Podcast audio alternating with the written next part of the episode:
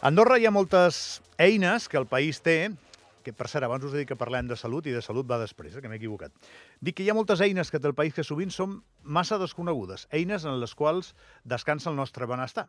Estem tranquils perquè tenim una sèrie de matalassos que més o menys estan ben posats allà on toca perquè hi anem caient si, si fa falta. Caient a descansar, caient a estar tranquils. Uh, xarxes de seguretat, si ho, voleu, si ho voleu dir així o si ho preferiu així. Una és protecció civil. Però si ara fem una enquesta sobre què és protecció civil, igual si us ho demano no ho acabeu de tenir totalment clar. Què farem? Doncs un cop al mes parlarem amb ells, els farem venir aquí, ells, per sort, han acceptat la invitació i explicarem el que fan. I avui ens acompanya l'Eduard Vergara, que és cap d'àrea Protecció Civil. Eduard, bon dia. Bon dia, Gavi. Merci per venir.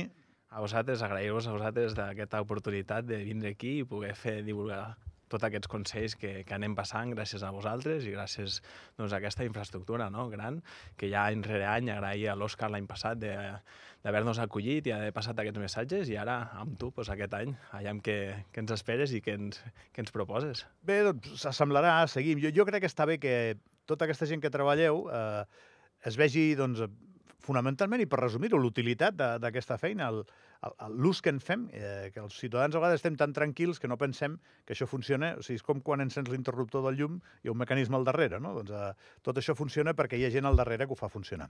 M'has dit que volia saludar el teu jefe abans, eh, abans que res. Bueno, sal saludar-lo i, i excusar-lo de certa manera de que no pugui estar avui perquè el primer dia doncs, ens hagués agradat que fos el director de que presentés una miqueta doncs, què és el protecció civil no? i què és el que tenim en el futur, en els propers quatre anys, quines són els, uh, els principals accions que, que durem a terme.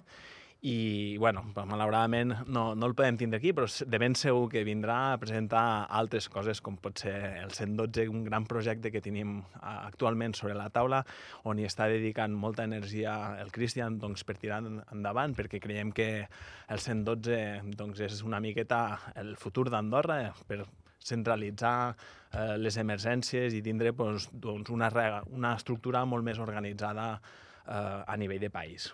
Des d'aquí una abraçada al Cristian Pons, que s'ha fet mal, no molt mal, però s'ha fet una mica de mal i s'està recuperant. No patiu per ell, però bé, no, no pot estar aquí perquè s'ha fet mal.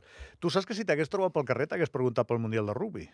Sí. Eh que sí? Si t'hagués trobat amb un ascensor, el sí. més normal és que t'hagués preguntat segurament, segurament. el Mundial de Rugby. Vas veure el partit d'ahir, Gales-Austràlia? I tant, i tots els altres partits, que déu nhi no, és, no és freqüent que un equip de l'hemisferi nord destrossi com ahir van destrossar Austràlia els galesos, eh? Sí, sí, va ser un partit emocionant. Però, bueno, el de, el de dissabte jo crec que va ser encara més emocional. Una Irlanda, final... Sud-àfrica. Sí, aquest, aquest va, realment jo crec que va estar al llistó. Sí, que estic posat, he vist els dos, vaig veure els dos. Sí, sí. Home, va ser millor partit l'Irlanda-Sud-àfrica, però veure Austràlia tan malament és raro, eh? És estrany, sí. Sí. Sí, sí. En fa, lluny. fa fins i tot pena. Dius, hòstia, eh, jugadors i una potència tan forta com ells, de dir, hòstia, aquí esteu coixejant, eh, sembla, sembla que no sigui real. 10 minutets tenim, Eduard. Vinga, anem... anem... Molt bé. A veure, el, el departament exactament què és? Anem, anem a fer una revisió, una radiografia de protecció civil. Ma, nosaltres, eh, des dels aiguats del 1982, doncs després, al, al 84, hi ha una primera llei eh, de protecció civil i no és fins al 2007 que neix el Departament de Protecció Civil i Gestió d'Emergències. A partir d'allà doncs, es desenvolupa una petita, molt petita estructura on els principals eixos de treball són la, eh, la formació i la sensibilització, la prevenció i després també la intervenció. No? Per sort, la intervenció doncs, eh, com que sempre intervenim en grans eh, catàstrofes o en grans emergències, perquè l'ordinari doncs, ja tenim estructures operatives com pot ser la policia, els bombers, el SUM, que quan hi ha un accident, quan hi ha un problema, doncs els truques i realment estan molt ben organitzats i ells van. Nosaltres anem a donar un, un uh, recolzament en aquestes estructures en grans uh, emergències. Doncs... Saps, saps què em crida l'atenció d'això sempre? La jerarquia.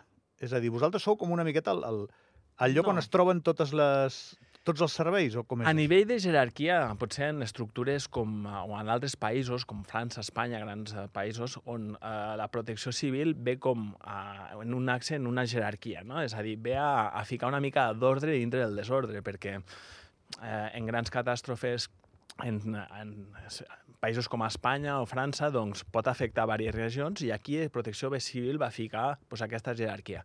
Aquí a Andorra, eh, en un és país tan petit, és molt més fàcil. Aquí cadascú sap molt bé què és el que ha de fer, què és el que ha de dirigir. Nosaltres el que venim a fer és a coordinar, és a coordinar i a implementar estructures de suport doncs, per donar resposta. Doncs, sempre tenim eh, convenis de col·laboració amb altres estructures, amb altres agents, amb altres empreses, que nosaltres al final la protecció civil és un sentit molt ampli i realment hi ha moltes estructures que estan al darrere, no només el departament, sinó tots aquests convenis, com per exemple amb vosaltres tenim un conveni i, i també feu part de la protecció civil perquè ens permeteu fer-ne difusió i un altre cop agraeixo aquesta col·laboració i ens permeten, tots som protecció civil. Nosaltres en grans eh, catàstrofes, doncs aquí el que nosaltres activarem és tots aquests mecanismes que tenim al darrere per donar suport, no?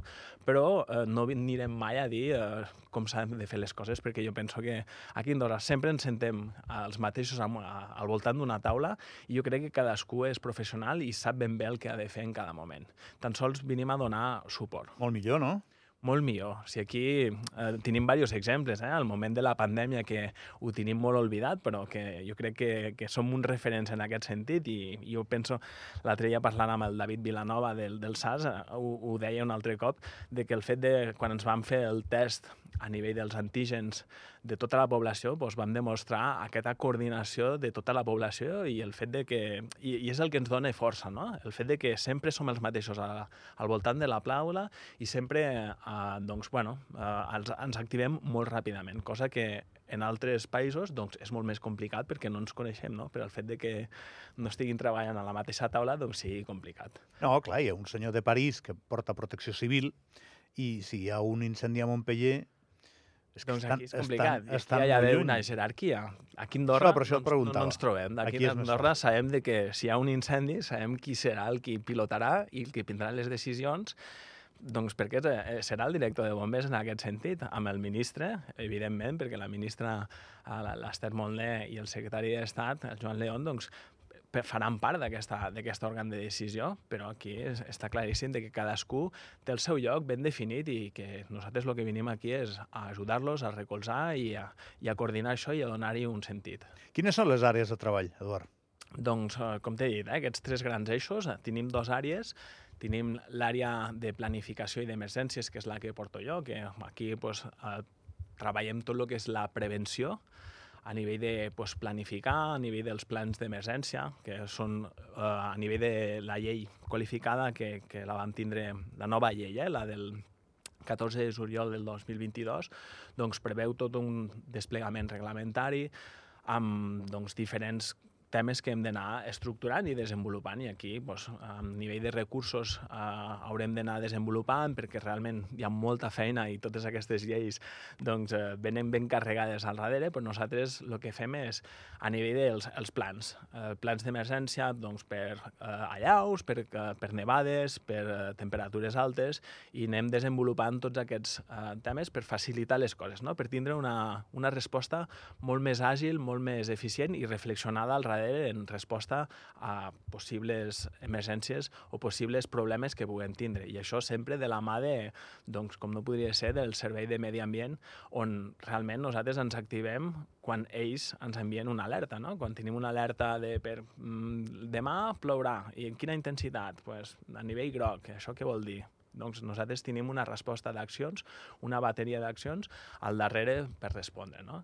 Escolta, em queden pocs minuts, Eduard. Eh, vaig a fer una pregunta, em salto el guió, que així li donarem una mica de contingut. I tant. Què no et deixa dormir?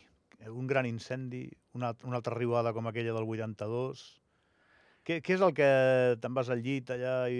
i uf, que segur que amb la feina que tens tu hi ha alguna cosa que no et deixa dormir. Bueno... Que t'amoïna, vull dir, ja m'entens.